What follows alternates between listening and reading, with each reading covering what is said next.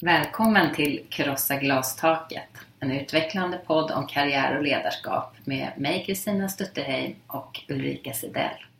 Vi är 9,6 miljoner svenskar, lika många kvinnor som män. Kvinnor står för hela 64 procent av alla högskoleexamina, men bara för 42 procent av det som är arbete. Det är bara 37 procent av alla chefer som är kvinnor. I Sverige är 25 procent av alla egenföretagare kvinnor. Bara 20 procent av alla professorer är kvinnor och bara 12 procent av alla VD-positioner innehas av kvinnor. Det ska vi förändra.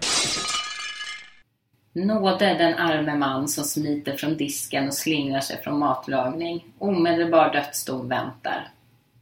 Peter Ahlberg, VD Dollarstore. Hej Ulrika! Hej Kristina! Vilket härligt uttryck! Eller? Verkligen, det var ord och inga visor. Det var ord och inga Ja. visor, det är dödsdom. Det är dödsdom. Man inte diskar. Vad är det här för någonting? Ja, eh, det här är då VDn för den här lågpriskedjan Dollar Store som finns över hela Sverige. Som skrev ett brev, nyhetsbrev eller veckobrev eller vad det nu kan ha varit till sina anställda. Där han eh, också outade lite sin syn på jämställdhet och så som han tyckte eh, inte var mycket att hänga i julgran Mm. eh, helt enkelt. Mm. En tydlig ledare. Ja, en väldigt tydlig ledare. Eh, och sen när han fick massa smisk för det här, då skrev han, eh, då nästa mejl, det gick till alla journalister som då, då var det liksom hatmejl mot dem istället. Som hade så kritiserade honom. Ja, men precis. Mm. Jag såg också någonstans att han eh, hade fått en villkorlig dom för att han hade misshandlat en av de anställda som Ja. han hade sökt upp i den anställdes hem och slagit ner i hallen. Det är en impulsiv man. Precis. Sen hörde jag också att han hade hanterat en snattare på ett väldigt speciellt sätt. Ja, han hade, eh, han fick då jobba av sin skuld och ha en skylt hängande runt halsen där det stod tjuv eller Ja, jag är en tjuv. Jag är en tjuv. Mm. Det visade sig att det var olagligt det också. Jag vet, inte Mm. om det blev, jag vet faktiskt inte om det blev någon dom på det. Men Nej. ja, man, väljer sin, man kan välja sin chef. Och ett Peter ledarskap där man eh, kan försöka ha lite kontroll och styr på Mm. sig själv. Mm. Har vi pratat om. Det kan Vi har pra- pratat om det här med att reglera sina Ja. känslor. Mm. Och att kanske inte bli fånge i dem. Nej, Mm. Lite mindfulness kanske Precis. skulle vara på sin plats. kan vara av godo. Mm. Hur är Ja. det annars, Kristina? Det är bra, tack. Absolut. Det, vad har vi för dag? Det är söndag, mitten av maj. Mm. Eh, och känns som att vintern kanske har lämnat oss. Gud vad gott och frusit och frusit. Men idag var det lite varmare i luften. Mm. Det känns härligt. Verkligen. Du då, hur är det med dig? Det är bra med mig. Mm. Det är fullt upp. Jag Mm. har ju haft lansering utav Ja. Vägar till innanförskap. Mm. Och Hur känns har, det? det känns jätteroligt faktiskt. Mm. Jag är jätteglad för det och vi Eva von Wernstedt och jag var nere i Örebro i veckan och föreläste, träffade media och träffade föreningslivet och pratade om koncept och modeller som funkar för integration. Så det är, det är roligt. Det är Mm. jätteroligt. Och i veckan som kommer nu så ska jag ner till Linköping och föreläsa i samma ämne på en brandkonferens. Mm. Bra där. Så, Mm. ja, Mm. lite, lite vägar till innanförskap på, Mm. på agendan. Det Mm. låter jättebra. Mm. Och vad har vi på agendan idag då? Vi kommer snart möta en, återigen en spännande person.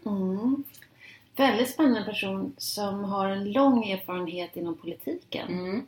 Mm, som ska prata om, ja, om, om var hon befinner sig och eh, Mm. sin syn på karriär och ledarskap men också att hon har sett oändligt många glastak. Yes. Kristina Axén Olin är det vi pratar om. Eh, så det blir spännande om en liten stund. Sen har vi lite olika spaningar som vanligt. Från när och fjärran. Ja, Ja. och lite karriärtips. Och lite karriärtips. Mm. Eh, Ett rätt, eh, lite längre karriärtips. Mm. Som vi kommer till om ett tag. Men Mm. vi kör igång helt enkelt. Mm. Vad har du spanat på? Ja, jag har spanat lite grann på eh, SNS. Studieförbundet Näringsliv och Samhälle. Precis. De har i veckan här så ska de ha en, ett seminarium om, om kvotering är en bra idé eller inte. Eh, och då började jag titta lite på vad det var för någonting som de skulle presentera. Då ska de presentera en ny studie som är gjord utav eh, forskare naturligtvis, eh, men som har tittat på politik och ledarskap och kvotering. Det är några som har gått in och tittat på sossarnas eh, arbete med när de 2004 bestämde sig för att eh, jobba med varannan eh, kvinna, varannan man. Och så gjorde de en modell för att mäta kompetens och utifrån den modellen så har de mätt då eh, kommunpolitikernas kompetens före man bestämde sig för att det skulle vara, vara varannan och Mm. efter. För att se om kvotering faktiskt har sänkt kompetensen generellt. Det vill Mm. säga att man har kvoterat in kvinnor som faktiskt inte har kompetens. Mm. I brist på att det inte finns kvinnor med kompetens. Och det är den här studien man då ska diskutera och, och det visar sig då i resultatet att det är precis tvärtom. Den generella kompetensen har ökat. Eh, och det har då skett bekostnad av att, det står då, jag citerar då, Mm. de mediokra männen Mm. har åkt ut Mm. och de kompetenta kvinnorna har då fått deras platser. Mm. Så att generellt så kan man se att, att kompetensen på män har ökat eh, medan kvinnorna ligger kvar ungefär som tidigare. Men det generella kompetenstaket då, om man nu ska kalla det för, Mm. eh, hos de här folkvalda politikerna har ökat generellt. Mm. Så en slutsats i det är ju att det är inte bara så att kvotering handlar om en rättvisefråga, att Mm. både kvinnor och män ska få samma förutsättningar, utan det är också ett sätt att höja kompetensen. Mm. Så nu finns det alltså presenterat i en studie. Det tycker jag är fantastiskt Det roligt. tycker jag också är fantastiskt. Sen kom det ju en studie, eller inte en studie, utan det var någon som hade sammanställt statistik eh, från hur det ser ut i våra kommuner Mm. när det gäller kvinnor och män på ledande Mm. positioner. Och då finns det ju ett antal kommuner som inte ens har nått upp till 25% andelen kvinnor. Och att man ser att här finns ju faktiskt en hel del brister.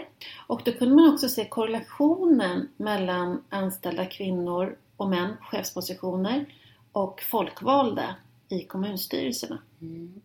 Det kunde, att det kan finnas ett samband Mm. där. Så att eh, man skulle ju då kunna dra väldigt Mm. eh, hård, ja, långtgående slutsatser. Att om man då eh, förändrar tillsättningarna i, på de folkvalda platserna Mm. så genererar det direkt att vi får också en mer jämställd chefsledning Just bland tjänstemännen. Vilket då, enligt den här undersökningen som Mm. presenteras på SNS då, Mm. ökar kompetensen bland våra kommuner. Mm. Och det är ju kanske precis det vi behöver när vi står inför de här utmaningarna som kommunerna står Ja. för idag. Det är inga små saker de ska lösa idag. Nej. Så att, ja, det är väl lite tips Mm. från podden Krossa glastaket. det. Är det en spaning? Ja, jättebra. Men det leder mig faktiskt in på... Vi får flytta oss många, många, många mil härifrån. Men ja, lite samma. Om vi flytt, förflyttar oss till Indien. Apropå att det här med eh, att lagstifta eller så om representation, kvotering är eh, av godo. Där bestämde man sig, och som också kan få en massa andra effekter. 1992 så gjorde man en, ett tillägg till den indiska konstitutionen. För man ville öka antalet kvinnor på just politiska positioner på liksom lokal, regional nivå. Mm. Så då bestämde man att eh, i det här tillägget då eh, att en tredjedel av alla platser ska ha en kvinna.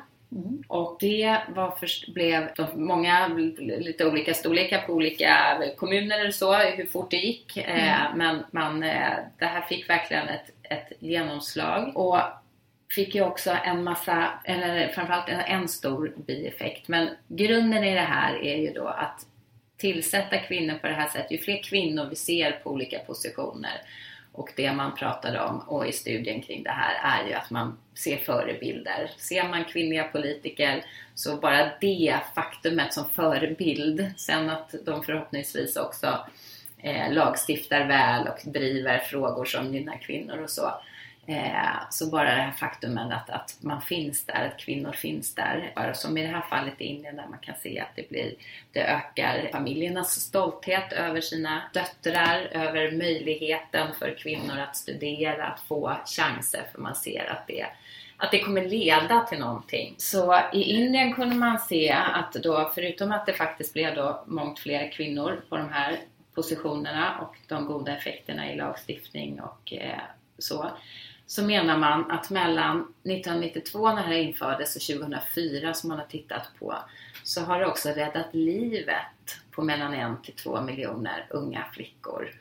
Eh, miljoner? Att, ja, miljoner. Oj. Och då är det, även om man menar att det var den minsta delen, att där, där jobbar man med, använder man ju aborter för att inte eh, där man väljer könet mm. för att man då vill säkra upp att man får mm. söner eh, mm. och inte för många döttrar. Att det eh, minskade. Men framförallt att, att man såg då en jätteökning i att, att små, att, att tjejer som föddes också överlevde. Till skillnad från tidigare. Eh, det är ju fantastiskt att, ja, att man gör sådana resultat. Verkligen. Så, att, eh, så många, många effekter utifrån mm. detta. Men som sagt utifrån en ändring i lagen för att man såg att det var det som behövdes för att det skulle börja ta fart. Fantastiskt! Mm. Riktigt, riktigt bra. Verkligen. Mm. Något mer? Ja, eh, om vi liksom går åt andra hållet i vår värld. Vi spanar ju ofta gärna på USA och det här mm. kan inte, många kanske har så har ju Mike Pence eh, som är vicepresident i USA, han är ju i blåsväder för många olika saker. Mm. Eh, där jag nu har lärt mig ett nytt, eh, nytt begrepp, nämligen eh, könskarantän. Könskarantän? Mm. Har du hört talas om det? Nej, det är nog helt nytt. Mm. Det visar sig att Mike Pence har en regel, mm. ska säga, att han inte eh, har möten ensam med kvinnor. Mm. Och när det började skrivas om det här, han uttalade det här, så... Han har gått ut officiellt med det här alltså. Det har han gjort. Mm. Eh, och i USA så fanns det en pastor som hette Billy Graham eller något som man nu har, som också har liksom varit känd för det här metoden tidigare. En förebild i det här. Mm. Mm. Eh, som inte åkte hiss ensam med kvinnor och så vidare. Sen tror jag det visade sig att han hade massa stories och var helt, ja. Men Mike Pence i alla fall. Eh, och det här har man liksom tittat lite vidare på. Ja, men det är så intressant bara överhuvudtaget. Vad är synen på honom själv och på män som tycker att nej, jag kan inte i, min, i mitt jobb, i min yrke, i min profession. Som vice statsminister? Ja, eller president. President, mm. men han har väl levt efter det här även tidigare antagligen. Så liksom, ska jag inte utsätta mig för frestelse då helt enkelt mm. genom att eller liksom komma i någon compromising situation. Så mm. vad, vad är synen på honom själv och på män och synen då på kvinnor också som som prästerskor. Precis, det är som det kvinnor är. Mm. Helt galet. Det är svårt då för att prata sin framtid, sin karriär eller samtal kring enskilda frågor det är ju som kvinna. Liksom, det går inte. Man blir lite grann utestängd kan man det ju gissa. Det kan man ju säga mm. och det visar ju också studier som man då har gjort på det här i, eh, i just kring tjänstepersoner i kongressen och runt omkring kongressen i USA har man intervjuat kvinnor och också män och fått kvinnornas bild bekräftad. Att det finns verkligen en outtalad regel att då eh, politikerna eller de högre liksom, manliga ledarna inte träffar eh, kvinnor ensam. Så precis som du säger, man får inte den här tillgången till de mm. viktiga mötena, till personer som kan liksom främja ens karriär. Mm. Utan det här är ytterligare liksom Boys Club som upprätthålls utifrån det här. Och man kunde också se i den här studien då att kvinnor, de här tjänstepersonerna i, i den kongressvärlden så att säga, de får ju, blir ju förstås då heller inte direkt promotade, befordrade till, till chefsledarroller och ligger, har en löneskillnad på 6000 dollar mindre än deras manliga motsvarigheter där mm. som tjänsteman. Så ska man gå, gå till den svenska då studien på mm. SNS. Mm. Eh, vi nämnde ju inte vilka som hade gjort den. Ni kanske göra det. Nationalekonomerna Olle Folke, Torsten Persson och Johanna Rickne. Om man ska då gå tillbaka till den så det är inte nog med att de mediokra männen då tjänar mer än kvinnorna i den amerikanska undersökningen, om man då ska dra paralleller. Mm. Eh, utan dessutom så hindras då kompetens vilket gör att man får sämre kompetens att fatta beslut Mm. eller ta fram beslutsunderlag. Det är Mm. riktigt bra det här. Mm, eller hur? Mm. Ja. Men det här var några av våra spaningar. Sverige, Indien och USA och Mm. allt hänger ihop. Allt hänger ihop. Mm. Sen är det ju väldigt eh, Alltså det är ju läskiga saker vi har från Ryssland där de nu sänker straffen för kvinnomisshandel från två år till två Mm. månader till Mm. exempel. Även Trump har ju sänkt eh, stödet för utsatta kvinnor. Just Så det. det, det, är, Mm. det är tufft nu. Eh, utifrån ett kvinnoperspektiv Mm. eller ett människoperspektiv Mm. kanske vi snarare ska säga. Mm, verkligen. Mm. Och därför känns det ju fantastiskt att vi ska träffa en kvinna full med värme, energi och oerhört starka värderingar måste man ju säga. Verkligen. Kristina Axén Olin. Mm. Och det var häftigt tycker jag att träffa henne som jag inleder med att säga det också. Det är ju någon man har följt under så många år och verkligen beundrat och har liksom inte med partipolitik och så att göra Mm. utan verkligen varit en person som man på avstånd har sett och tyckt att eh, någon med stor integritet och, och någon som verkligen brinner för det hon håller på med. Och Kristinas bakgrund är ju att hon har varit finans-, social och oppositionsborgarråd, gruppledare i Stadshuset, började som lärare, varit biträdande rektor men jobbat som musiklärare. Mm. Eh, styrelseproffs idag, tror hon Mm. sitter i sex olika styrelser, ordförande i bland annat Junibacken och Surfa Lugnt. Mm. Och som sagt flera andra eh, organisationer också. Hon är äh, aktuell nu med en debattartikel igår i eh, var det Svenska Dagbladet om eh, att man nu eh, har ett lagförslag, eller kallas det för lagförslag i EU? Är det motion eller vad heter det? Nej men det är nog lagförslag. Om att man ska eh, ha internetförbud för ungdomar. Det finns både en 16 års, ett förslag om 16 år och ett förslag om 13 år. Där föräldrarna då med sin e-legitimation ska se till att barnen får tillträde till, Mm. till nätverket eller till internet. Mm. Och där hon går ut eh, i debattartikeln och dis- diskuterar konsekvenserna av att eh, ungdomarna eh, blir så väldigt utelämnade till sina föräldrar Mm. och om de ska få tillgång till den informationsspridning som vi alla har. Just det. Också ett demokratiperspektiv. Verkligen. Mm. Ja, så många strängar på sin lyra. Mm. Eh, så varsågoda, här är Kristina.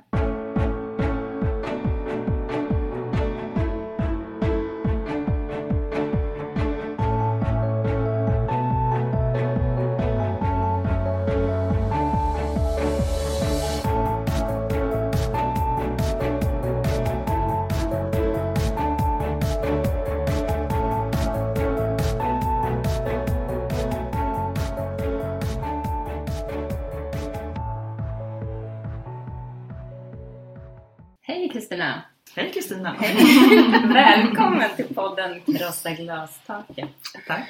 Vi är jätteglada att ha dig här. Eh, Jag är extra glad, inte bara för att du har ett sånt fint namn förstås, utan eh, verkligen, du är någon man har följt genom åren och verkligen beundrat. Så det känns jättehäftigt att bara ha dig här och få prata med dig nu en stund. Så välkommen! Tack! Inte för att jag är så mycket att beundra, men kul att vara här. Det tycker jag.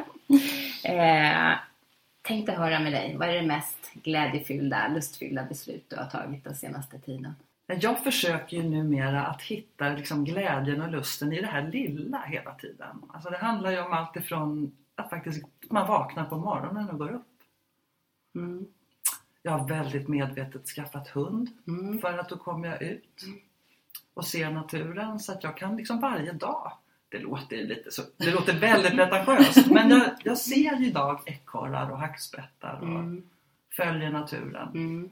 och gläds åt det. Mm. Det var ganska många år som jag inte gjorde det. Sätta mig. Men de här stora, kanske det som eh, många kanske svarar på en sån fråga vad man har fattat för viktigt glädjefulla fyllda beslut de senaste veckorna så kanske de berättar om sommarsemestern som man har bokat För mig är det inte det. Utan det är de här små sakerna. Mm. Igår bestämde jag mig för att gå och lämna en eh, hel kasse med barnböcker till en förskola i närheten. Mm.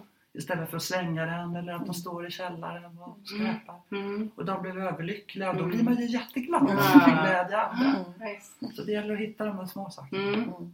Mm. Låter väldigt mindful. Ja men det är ju det. Jag vet inte om det är någon etikett Mm. men just det där med att faktiskt hitta glädjen Mm. i livet Mm. varje dag. Att, att vara tacksam Mm. över att man lever och att man får vara med. Mm. Och närvaro. Ja, precis. Ja. Närvaro. Ja. Och det, det är ju en liten konst faktiskt. Mm. Ja. Ja. Men då är hund är ett bra tips. Ja, hund är ett bra tips. Ja, det Mm. var, jag träffade en gång faktiskt en Mm. person, en läkare som hade en gång skrivit ut hund på recept. Ja. Men det får man väl inte göra. Men Mm. Kan det ligger en del i Mm. det för att man, det för med sig många sådana här goda Mm. saker. Mm. Att man blir närvarande. Just det. Hundtipset. Hundtips, precis. Hundtipset. Det brukar... Ja, det är bra. Det kanske funkar med katt också. Ja. Nej men det där Nej, kommer ut. går ut. Ja, precis. Jag hade hunden kort. Vi hade en Mm. liten lånehund och det, Mm. det jag verkligen saknade det där morgon och kvälls... eh, Mm. I ur och Ja, skur. ur och skur. Och då gjorde det liksom ingenting. Det är häftigt. Och hunden i extas även om Ja, man har varit ute i soporna. Liksom. Det är också bra Det för är- själen. Hunden är också någon som brukar finna glädje i lilla. Ja. Var man kommer så är de glada. Det är härligt. Du kan väl berätta lite hur ditt liv ser ut idag? Ja, förutom hunden. I övrigt. Ja, Och ridningen. Ja. Ridning. Det här är också bra medicin att rida. Ja. Eh, Jag är styrelseverksam. Sitter tror jag i sex styrelser. Mm. Och jag eh, föreläser en del. Jag skriver en del. Mm. Mm, Jag är på TV en del. Ja, jag har ett bra liv. Jag gör saker som är bra för själen. Vad är roligast av allt det du gör?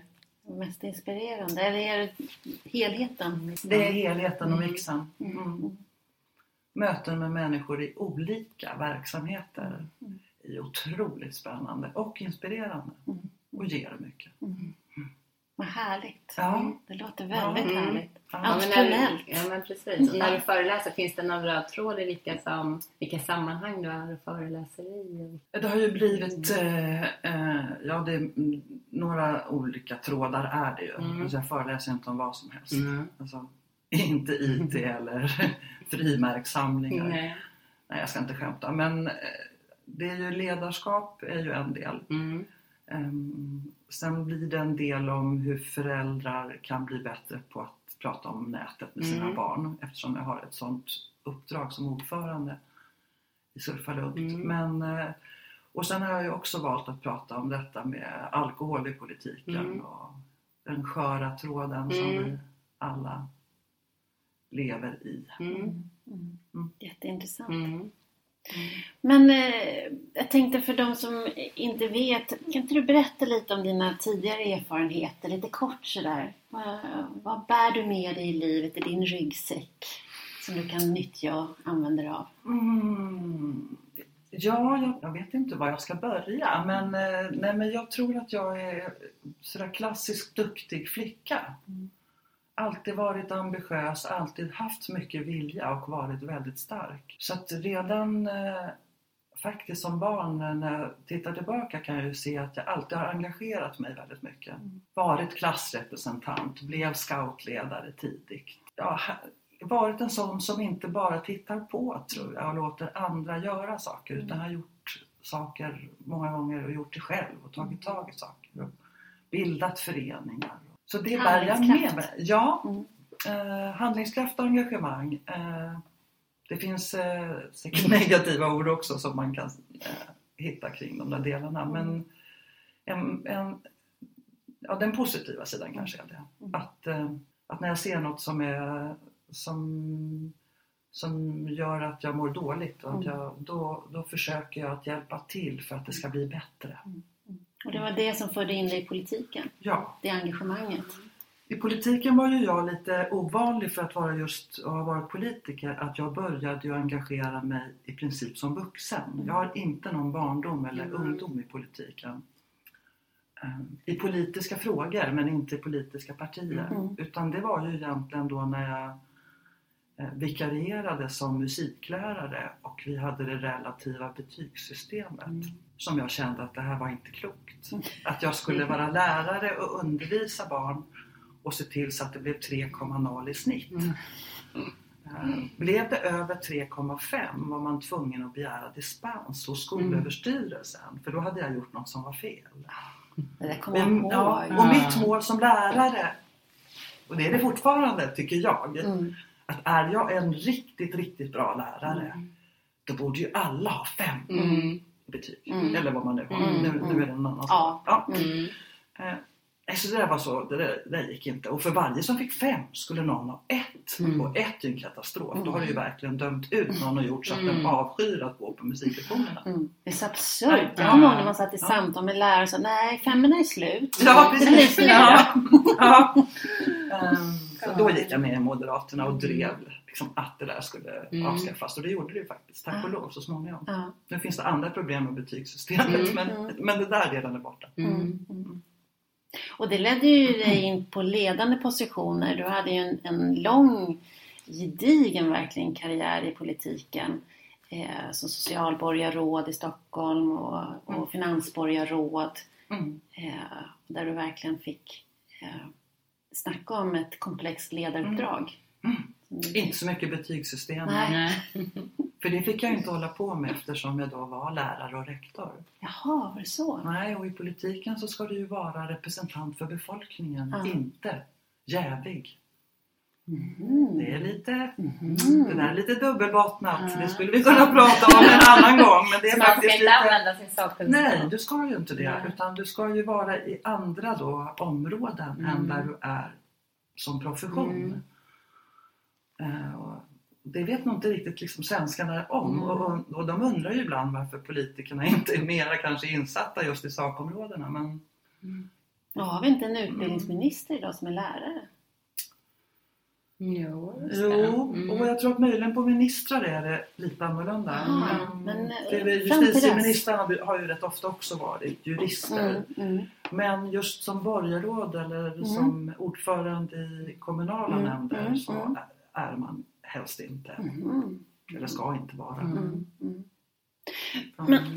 Men politiken och nu har du också många år varit styrelseordförande, föreläser i egen verksamhet, tar jag för givet då. Mm. Eh, vad är dina viktigaste lärdomar? Eller viktigaste kanske är svårt att sitta här och prioritera, men några lärdomar som du tar med dig av, av dina erfarenheter i politiken, som i styrelser. Ja, du har ju, det är ju ledarroller. Mm. Att man ska göra det man brinner för och det man tror på för då blir det bra. Mm. Och att välja, ta kommandot och välja det. Ja. Mm. Det är Mm, Jag vet att du sa i boken som eh, du är med i Ulrikas bok med Bortom glastaket att man ska välja uppdrag utifrån vem man är. ja. Ja, och hur tänker du där då? då? Det den frågan är lite komplex. Men, Mm. men det, det snabba enkla svaret är just att, att just det här med, jag tror taget att när jag ser på saker runt om i Sverige, på verksamheter och på företag och på organisationer och föreningar och vad det nu än är vi pratar om. Så när saker sticker ut och är riktigt bra och sådär, och man blir glad och lycklig och ser att det är verkligen lyckosamma saker som sker så är det ju ofta för att det är någon som brinner för Mm. det Mm. som den håller på med. Mm. Sen spelar inte formen eller organisationen av det hela så stor roll tycker jag. Mm. Utan om, om vi pratar om skolor eller äldreboenden eller vad som helst så finns det en bra chef, ledare som brinner Mm. så, så är det nästan alltid bra. Mm, mm. Det finns ju forskning också som visar att är du grundad i det, i din vilja, din ambition eller din idé eller värdering och är trygg i att det är det här du vill oavsett eh, omgivningen. Då har en mycket, mycket också större tålighet att klara av motstånd och hinder. Därför att du är förankrad. När du Ja, inte längre är förankrad Mm. eh, utan du kanske har gått lite vilse Mm. eller så. Då, då tar du smällarna mycket hårdare. Ja. Nej, jag tänker ibland på de här som driver och jobbar med varumärken som inte heller kanske man själv kan stå för. mm, Det blir ju inget bra. Mm. Alltså, då kan man ju inte lägga ner sin själ eller tro på det man eh, gör. Och då, då, jag inbillar mig att inte det är bra. Mm. Utan mera det här med att lyssna på vad man själv faktiskt brinner för och hellre då tacka nej till det här Mm. som inte Mm. eh, jag går igång på. Eh, Och apropå karriärvägar och ha Mm. bråttom också. Så att hoppa inte på massa saker som du inte tror på Mm. eller där du inte själv eh, känner att du kommer att ja, engagera dig. Mm. För då, då är det bättre att avstå. Mm. Men är det här erfarenheten som du har levt efter? Nej! det är underbart, eller hur? Kan vi börja om från början? Nej, men det är ju sånt man kanske märker. Alltså det, jag, jag tror att det delvis har med erfarenheten att göra. Att man till slut på något sätt bottnar med, med ålderns rätt. Men också att, och det kan väl också på något sätt om jag skulle skicka ett medskick till eh, medsystrar och andra är att liksom inte ha så bråttom i livet och inte gå upp på en för hög stressnivå. Mm. För jag kan se tillbaka på, på, på mitt liv och när jag blev finansborgarråd och de åren som inte som jag inte hade liksom kontroll över och som inte var bra i mitt liv. Mm. Att delvis så var det för att livet gick så extremt fort och jag var så stressad. Mm. Så jag hann aldrig känna efter vad jag riktigt ville själv och vad jag mådde bra av. Eh, Och jag, det där är en av mina kanske belastningar också. Att jag kan stänga av min kropp Mm. och forcera den väldigt, väldigt långt. Vilket är en väldigt dum egenskap. Men jag, jag, jag kan göra det. Jag kan, det kan jag fortfarande göra. Och det, det är inte bra. Utan hellre, om jag skulle se tillbaka eller ge råd till andra, Mm. försök att ändå se till så att du har någon typ av andningshål liksom, i Mm. livet och varje dag och så. Mm. Eller en hund. Nej, men någonting som gör att man ändå hinner reflektera och känna efter. Mm. Jag minns att jag läste Mm. någon artikel med dig då om hur du nitade dina strumpbyxor. Häftapparaten. Häftapparaten. Ja, funkar fint. Jo, jag hade några år där jag tror jag tre gånger kom till tunnelbanan med så här blåa tossar också från dagislämningen. Och när det var snö dessutom. Det måste ju varit jättehalt! Och jag märkte inte ens det. Mm. Nej, Mm. Men sån, sån är jag. Så fantastiskt att du idag då har kunnat växla om, tänker jag, när du inleder med det här med hur viktigt det är för dig att ha den här närvaron och att du faktiskt kan det. För Mm. det är ju också en begåvning, det är också en, en kompetens. Och att från att ha varit då där du stänger av helt Mm. Till att vara så totalt närvarande. Det är ju verkligen en transformation. Ja, nu låter det kanske lite mer fantastiskt än vad det är. Nej men även jag har mina dagar. Nej men absolut. Mm. Men det, jag har ju medvetet alltså, idag i och med att jag nu vet hur Mm. jag är så avstår jag också från vissa jobb Mm. och uppdrag där jag vet att den här spärren kanske skulle liksom ruckas på. Mm. Det är aktiva Eh, val som det är. Ja, så jag har, har fått liksom tacka nej till saker som, som, eh, som har känts otroligt angelägna och som hjärtat har brunnit för. Mm. Men där jag vet att då kommer jag inte längre liksom, att må bra efter ett tag för att jag kommer att jobba ihjäl mig. Mm. och eh, väldigt tjat om den här hunden. Men han är faktiskt också en medveten spärr. För att jag vet att jag kan inte längre sitta och jobba 12 timmar och dricka kaffe. Därför att då, hunden måste ut. Mm. Han kan inte vänta mer än 5-6 timmar, det är liksom max. Mm. Så att vad jag än gör så tvingas jag ändå Mm. ta en promenad Mm. någonstans i detta. Mm. Och då får man ju tid för reflektion. Mm. Ja. Ja, det är snyggt ordnat. Och jag tänker Ja. också att det bygger hopp. För många är ju där och springer. Och, och är Ja. lite avstängda. Och, och det, jag tycker det in- ger ju också hopp. Det är ju inte kört för att man har hamnat där. Utan det finns en väg tillbaka. Mm. Att hitta Absolut. lugnet och närvaron igen. Men man får ju liksom jobba på det. Det är det. Mm. Man får ju liksom Mm. på något sätt rannsaka sig själv och så kanske man halkar dit på väg lite grann ibland och då drar jag tillbaka liksom Mm. snarare och känner att nej. Sätta de där gränserna som du Ja. beskriver hur du gör. Ja. Glastak är ju någonting som vi brukar fördjupa oss i i den här podden. Är det något som du har stött på eller sett eller råkat ut för under din resa i arbetslivet? ja, hur mycket som helst. Men man kan också välja liksom att inte riktigt se dem. Mm. Mm. Kan du berätta? Ja, men det här, den här politiska världen som jag ändå har ägnat den största delen av mitt liv i. Eh, eller yrkesverksamma liv i alla fall. Den är så extremt fylld med eh, det är en så speciell miljö. Nu ska jag inte prata illa om politiken för den är jätterolig. Mm. Och halva jag känner att jag kanske ska tillbaka dessutom till politiken. Men, Mm. men den är ju...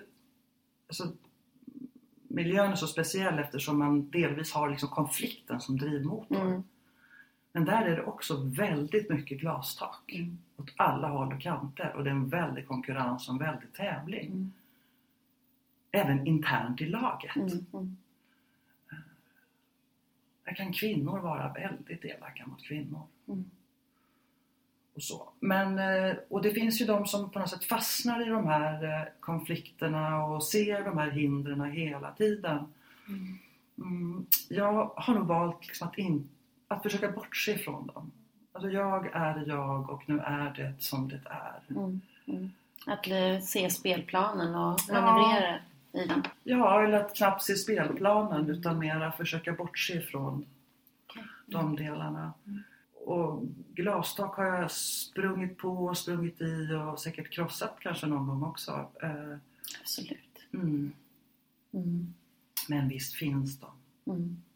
Och vad tror du man ska göra för att rasera dem när man stöter på dem? Är, är, det, är det det man gör, ska göra? Att man försöker, eller man bortser, försöker bortse från dem så mycket som möjligt? Eller kan man, tror du, med din erfarenhet där du har varit, kunna, hur kan vi hjälpas åt att rasera dem? Där? Ja, man skulle ju önska att man hade någon liksom quick fix men det är ju dessvärre, de här frågorna är ju, är ju tålamodskrävande kan man säga. Eh, men jag tror att man också genom att prata om dem Mm. faktiskt kan göra folk medvetna om Mm. hur det ser ut. Mm. Sen kanske man inte alltid heller ska ta så stor hänsyn till de här Mm. taken eller Mm. fördomar. Eller... Mm. Inte låta sig styras av dem. Nej. Mm. Sen finns det ju för sig ställen där hur mycket man än inte försöker så, så är de där. Mm. Vare sig Ja. man vill eller inte. Man Ja. kommer inte vidare, man kommer ingenstans. Nej. Men då kanske man också ska välja att antingen så stannar jag här och Mm. bortser ifrån de här taken. Mm. Eller så försöker jag krossa dem. Mm. Eller så kanske jag faktiskt ska avstå från den miljön. Mm. Mm. Det känns jättetråkigt att säga så men jag vet, har ju träffat människor som har som slagit sig blodiga Mm. och bara mår sämre och Mm. sämre. Och då kan inte jag riktigt faktiskt förstå varför man inte väljer Mm. att Gå någon annanstans. Mm. Där man får vara i sin kompetens. Mm. Ja, Mm. Eller passion och vad det nu är. Ja. Mm. Mm. ja. Mm. Du brukar prata om, eller jag har hört dig vid några tillfällen prata om det tredimensionella ledarskapet. Kan inte du förklara lite vad du menar med det? Ja, det hänger väl delvis ihop med det som vi pratade om nyss. Det här med stress och, och liksom tempo när man kommer upp i, en viss, i ett visst blodtryck på något Mm. sätt kanske. Att det finns ju andra dimensioner i livet. Mm. Eh, och jag brukar prata om just det här tredimensionella som tyvärr är väldigt lite av i politiken. Men det som mera handlar om hur vi mår i själen. Och det kan vara det kan vara andlighet, det kan vara mindfulness, det kan vara att se hackspettarna och naturen och det här som jag pratade om nyss.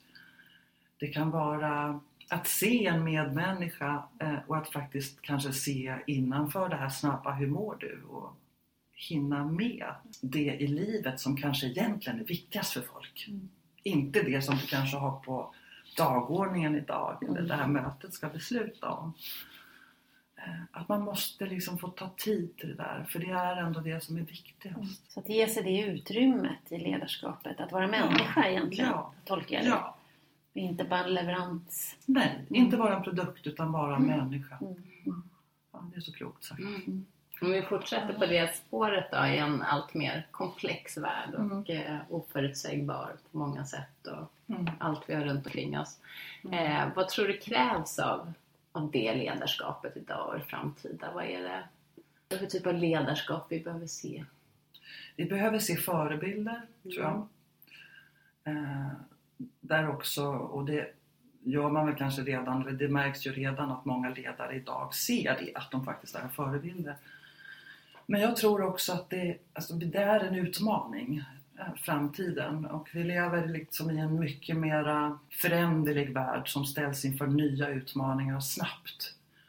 Eh, människan är på gott och ont inte längre så förutsägbar som bara för fem år sedan. Utan det går ju rasande fort. Mm. Det kräver liksom flexibla ledare också. Mm. Och flexibilitet är tyvärr inte alltid det som kännetecknar chefer och ledare. Eller strukturer och Nej. processer. Nej. Mm. Och det kommer ju liksom att bli, det kommer ju bli en krasch. Mm. Just för att det inte kommer att funka. Mm. Och i politiken ska vi inte tala om det för där är det ju väldigt så att vi ser ju ingen, vi ser ju inte längre tyvärr liksom ens möjlighet till att Sverige kommer att ha traditionell ledning. Mm. Kanske de närmaste tio åren. Mm. Tyvärr. Mm. Då måste man liksom tänka om. Och hur anpassar vi oss? Och hur kommunicerar vi med människor och känner vad människor vill idag? Mm. När man inte längre har två TV-kanaler som man kan använda Mm. som Mm. eh, jag vet inte, Mm. budskapsplattformar. Mm. Utan, ja, det är spännande Mm. men det är ju så- också utmanande. Men jag Mm. tror att just flexibilitet Mm. och kanske den här förmågan också att se det här just tredimensionella. Att se människorna bakom hela tiden. Mm. tror jag blir viktigare och viktigare. Mm. Och- det är ju det är ju också en utmaning. Hur bygger vi systemet Mm. så att det blir flexibelt? Mm. Vi har ju en tendens, tänker jag, med Sverige och Sveriges struktur att vi jag menar bara hur, vårt, hur vår politik och våra myndigheter är uppbyggda. Vi- Jag menar, det är ordning och reda, det är rättssäkert, Mm. det är liksom nästan ingen korruption. Men det är ju otroligt oflexibelt. Mm. Och så otroligt svårt att ställa om när det händer saker.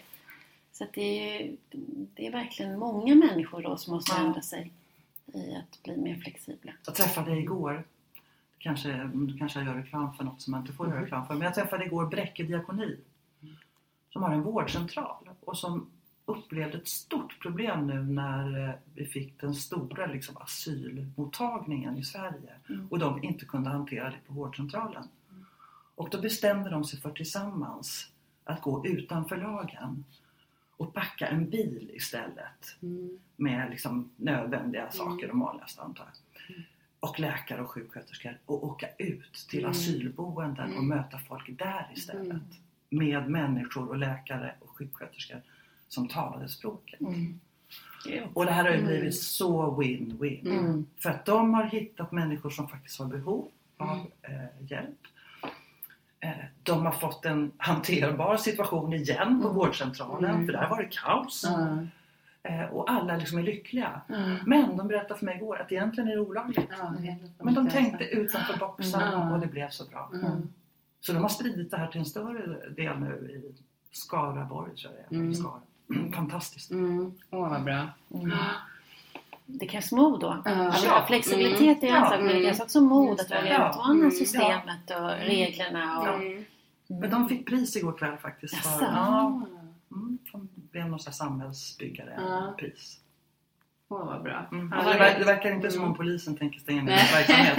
Så jag törs prata om det. Precis, det låter bra. Vi ska snart börja runda av. Jag tänkte, mm, lite har du varit inne på det, men liksom vilka, vilka råd skulle du vilja ge en, en yngre Kristina Axén Olin när det var i början av, av allt när det gällde Mm. karriär? Och, Ja, att avsätta kanske lite mer tid för mig själv mm. än vad jag gjorde. Mm. Eh, Att inte prioritera bort en själv för att till slut har man ingenting att ge. Mm. Man blir, jag brukar inte säga ut, egentligen tycker jag man borde byta ut ordet utbränd mot urladdad. Mm. Men alltså, alla människor behöver påfyllnad, påfyllning av någonting. Eh, Man kan inte bara ge och ge och ge. Mm. Eh, Det, det rådet tror jag skulle ge mig själv och Mm. andra. Mm. mm, ge mindre och ta emot mer. Mm. Nej, man kan ge ännu mera och man kan ta emot. För då har man ännu mer att ge. Så tänker jag. Man har ett bra liksom, ekosystem eller Ja. kretslopp. Eller... Ja. Mm. Mm. Men också kanske att var sak har ju sin tid. Man måste ju inte göra allt inom loppet av några år i livet. Mm. Inte ha så bråttom. Tänk att man måste fylla 45 innan man förstår det. Det är verkligen intressant. Det är så Mm. för många av oss. Ja. När jag är ute och Mm. föreläser på universiteten så är det är så mycket Det är nästan lite så här borta Mm. på blicken och så ska de ha fyra barn och så ska man jobba utomlands och så ska man ha storbolag så ska man driva eget och så Mm. man ska hinna med så Så mycket. ska man hålla på med lite kickboxning samtidigt. Och här ska man stoppa korv och så gardiner också. Vad var det senaste jag såg att man skulle göra nu? Jo, nu ska man ju mala sitt eget mjöl. Det är ju det senaste nu i... Mm. ska nu ska du inte bara, nu ska du inte bara stoppa korv, nu ska du mala Just det. Någonstans mellan fyra och fem på morgonen. Så man kan märka Ja. familjen med. Mm. Ja. Mm. Ja, avslutande ord, allt har sin tid. Mm. Kristina, är det någonting vi har glömt? Något som du skulle vilja Nej, jag tror inte det. Tusen tack Ja. då. Ja, tack. så Verkligen. Tack så mycket. jättemycket. Ja, då är vi tillbaka i ditt kök. Kristina Ja. på Södermalm. Ja. Man blir glad tycker jag. Mm, Verkligen. Eh, Kristina Axelrodin. Mycket energi, mycket som händer.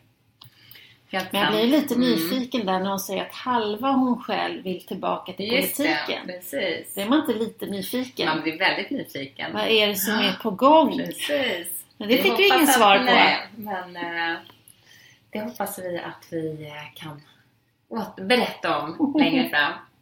Att det händer något spännande där. Ja, Mm. Men vi har ett karriärstips.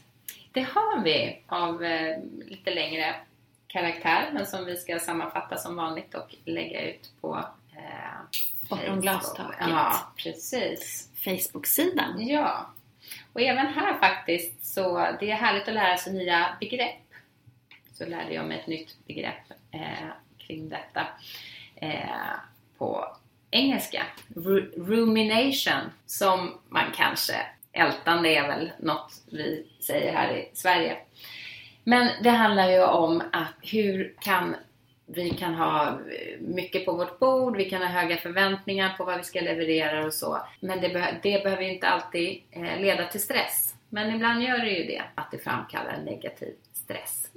Och det här med rumination då eh, handlar om, eller då ett, mer av ett ältande om vi ska kalla det för det. Att man fastnar. Ja, man fastnar. Man fokuserar på problemet, på orsaken mer än att titta på lösningar eller hur tar jag mig vidare. Och det kan ju bli en ganska läskig känsla av maktlöshet och hopplöshet som man fastnar i. Som dränerar ännu Verkligen. mer. Verkligen. Och det kopplas liksom negativa känslor till det här. Eh, det här har man ju då liksom också tittat på. Vad är det som gör att, att just stress, att det, tar, att det tar olika på oss. Vi kan ha ungefär samma utmaning, eller vara ungefär samma kontext, en jobbkontext och så vissa blir, tar, blir det mer en stressframkallande eh, faktor för och andra inte. Och då har man just menat att det är det här hur vi hanterar, hur vi kan liksom, vad ska man säga, sätta, ja men hålla det här, av, inte komma in i det här ältandet helt enkelt, utan kunna ha andra perspektiv på, på det vi är utsatta för, den situation vi är i. Och här handlar det om att liksom inse att det inte är de yttre omständigheterna utan det är ju hur man kan reglera det här själv då. Det blir ju lätt när det handlar om jobbet att man gärna skyller sin situation på en jobbig chef eller det här är omöjligt eller vad det nu kan vara. Och så. Och det här handlar om att hur kan vi faktiskt ta tag i det här Ta kommandot, ta ha lite egen makt. Och det behöver ju inte vara jobb. Det kan ju vara familj, det kan vara alla möjliga sammanhang. Det kan det absolut Ekonomi. vara. Mm. Det, då så finns det fyra steg man kan Mm. följa. Eh, och det första är lite så här att vakna upp från den situation man är i. Ja, men att man börjar med att titta upp och se var är jag någonstans just nu och att faktiskt liksom försöka bryta upp för, från, från det här. Mm. Även Eh, fysiskt. Ja, även fysiskt. Mm. Precis. Att röra på sig, Mm. att göra någonting. Eh, det var jätteroligt, jag läste någonstans kring det här att man är man i ett möte så liksom om man bara så här måste bli närvarande så kan man börja klappa händer eller något. Det kanske inte alltid är helt läge att göra det. Men principen handlar ju om att liksom eh, man är i en situation, man känner att, man, eh, att det här inte funkar. Vakna upp. Mitt tips är att ställa sig upp och börja skriva lite på tavlan. Det Man kan vara jättebra till exempel. Sen handlar det om att liksom skapa närvaro, fokusera. Tankar som ältar eh, blir ju lite som den här bilden av ett am- hamsterhjul, att det bara snurrar runt, runt och man kommer inte ut från, från sina, sina tankemönster. Och då kan en enkel övning vara eh, att ta ett papper, Mm. göra en cirkel Mm. och inne i cirkeln så skriver man om de saker som man faktiskt kan påverka. Mm. Utanför skriver man om de som man inte kan påverka. Mm. Men det är problemen man, eh, Ja, man precis. Mm. Så att man kan se och få lite perspektiv på Mm. detta. Man kan konstatera att det som ligger utanför absolut kan vara då problemfyllt på något sätt men man Mm. kan inte göra så himla mycket åt det. Så kan man då också minska sin stress kring de där frågorna och sin oro. Man blir äldre till exempel. Ja, kan man inte göra så mycket om. nej. Utan hur hanterar jag det Mm. faktumet? Mm. Och jag tänker att det här är faktiskt det är bra att göra både när man vill titta lite mer långsiktigt, att man, när man utifrån att titta på sin karriär eller där Mm. man är och känna att liksom, det finns saker som skaver. Jag är kanske, allt är kanske inte helt optimalt att göra en sån sortering. Men man kan faktiskt göra det bara i en, en mer snabb situation Mm. Också. Mm. Eh, att göra den här cirkeln för att bara sortera lite. Mm. Okej, och då får man bara få ner på papper kan ibland vara och få det från huvudet ner på papper. Mm. En viss sortering kan vara jätte... Tredje delen, att sätta saker i ett perspektiv. Mm. Det kan man ju göra på olika sätt. Man jämför situationen man är i med något man har varit tidigare eller någon annan situation och får lite proportioner på Mm. att det här, den här missade försäljningen eller den här frustrerade mötet eller vad det nu kan Mm. vara. Att det kanske inte Misslyckandet. är... Ja, Mm. misslyckandet. Att det kanske inte är så stort i jämförelse. Att man ställer sig lite frågor eh, in, inför det som oroar. Så här, vad är det värsta som kan hända? Mm. Vilken roll kommer det här faktiskt spela om Mm. ett år eller två år? Sätta det i ett längre perspektiv, en, en större kontext. Och också försöka hitta en ny vinkel på det här som är problematiskt. Vad finns det för lärande i det här? Kanske faktiskt se, finns det något roligt? Mm. Finns det något? humor Ja, eländet precis. Sätta Mm. någon vinkel på det. Och sist men inte minst, det kanske svåraste, Mm. annars hade man ju lyckats, Mm. det är att släppa det. Mm. Men någonstans är det så här med det här, man, någonstans kanske man behöver bara komma till att okej, acceptera. Så här är det. Det här är, jag gillar det inte, men så här är situationen. Och det tredje eh, är förstås att eh, kanske behöver man göra, faktiskt göra något. Take some action. Mm. Eh, och bestämma sig för vad är det jag måste göra för Mm. att kunna komma vidare. Mm. Det var Men jobba lite... på Dollar Store. Precis! Vad Vad, man behöver jag göra? då göra? Ja. Precis. eh, Så men några actions. Att Ja, det är också, precis. ett också ett effektivt sätt att prioritera sina actions tänker jag. När man har fått distans. Vad kan jag påverka? Vad kan jag inte påverka? Och liksom göra rätt saker Just det. Mm, för att lösa problemet. verkligen. Mm. Eh, så det här kan vara ett bra sätt att sortera. Och källan till detta, var kommer detta ifrån?